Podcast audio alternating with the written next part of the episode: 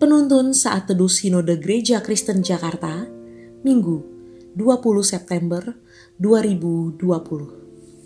Judul renungan, Menyaksikan Perbuatannya, terambil dari Nats Yohanes 4 ayat 27 sampai 38.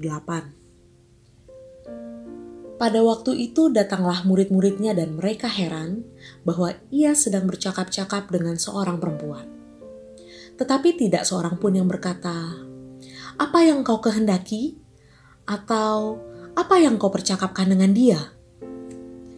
Maka perempuan itu meninggalkan tempayannya di situ, lalu pergi ke kota dan berkata kepada orang-orang yang di situ, "Mari lihat, di sana ada seorang yang mengatakan kepadaku segala sesuatu yang telah kuperbuat.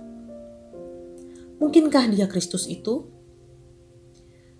Maka mereka pun pergi keluar kota, lalu datang kepada Yesus. Sementara itu, murid-muridnya mengajak dia, katanya, "Rabi, makanlah."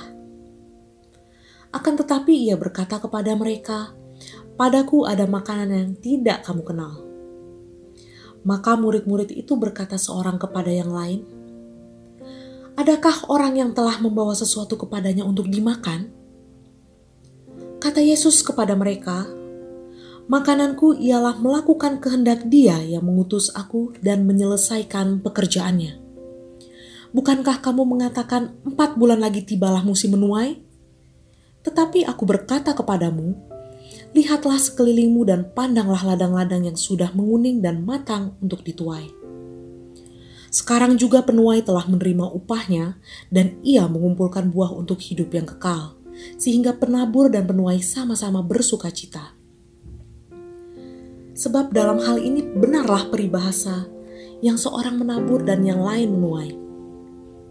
Aku mengutus kamu untuk menuai apa yang tidak kamu usahakan. Orang-orang lain berusaha dan kamu datang memetik hasil usaha mereka.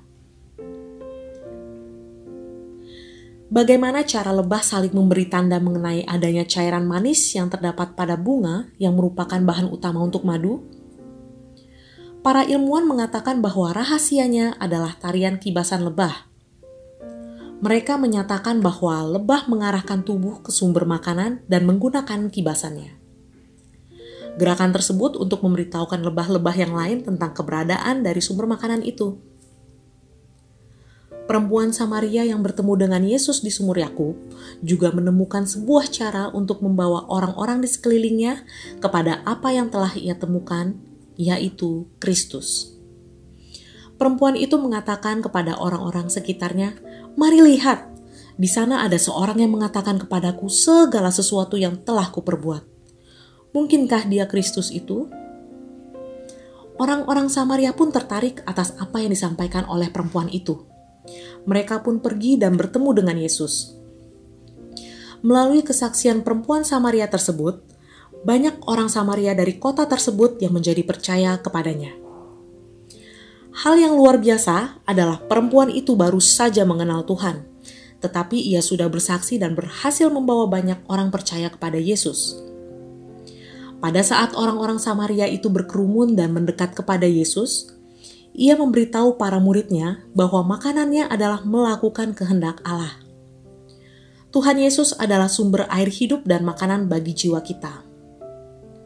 Keintiman kita dengan Yesus dapat membuat kita mampu melakukan kehendak Allah dan menyelesaikan pekerjaan yang telah Dia percayakan kepada kita. Kesaksian wanita itu sungguh berdampak, sehingga banyak orang datang kepada Yesus yang adalah sumber hidup.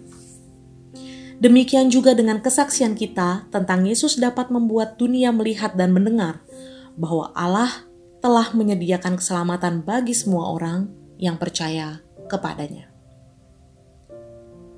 Jika kita telah menemukan makanan bagi jiwa kita, maka tuntunlah sesama kita ke sumbernya.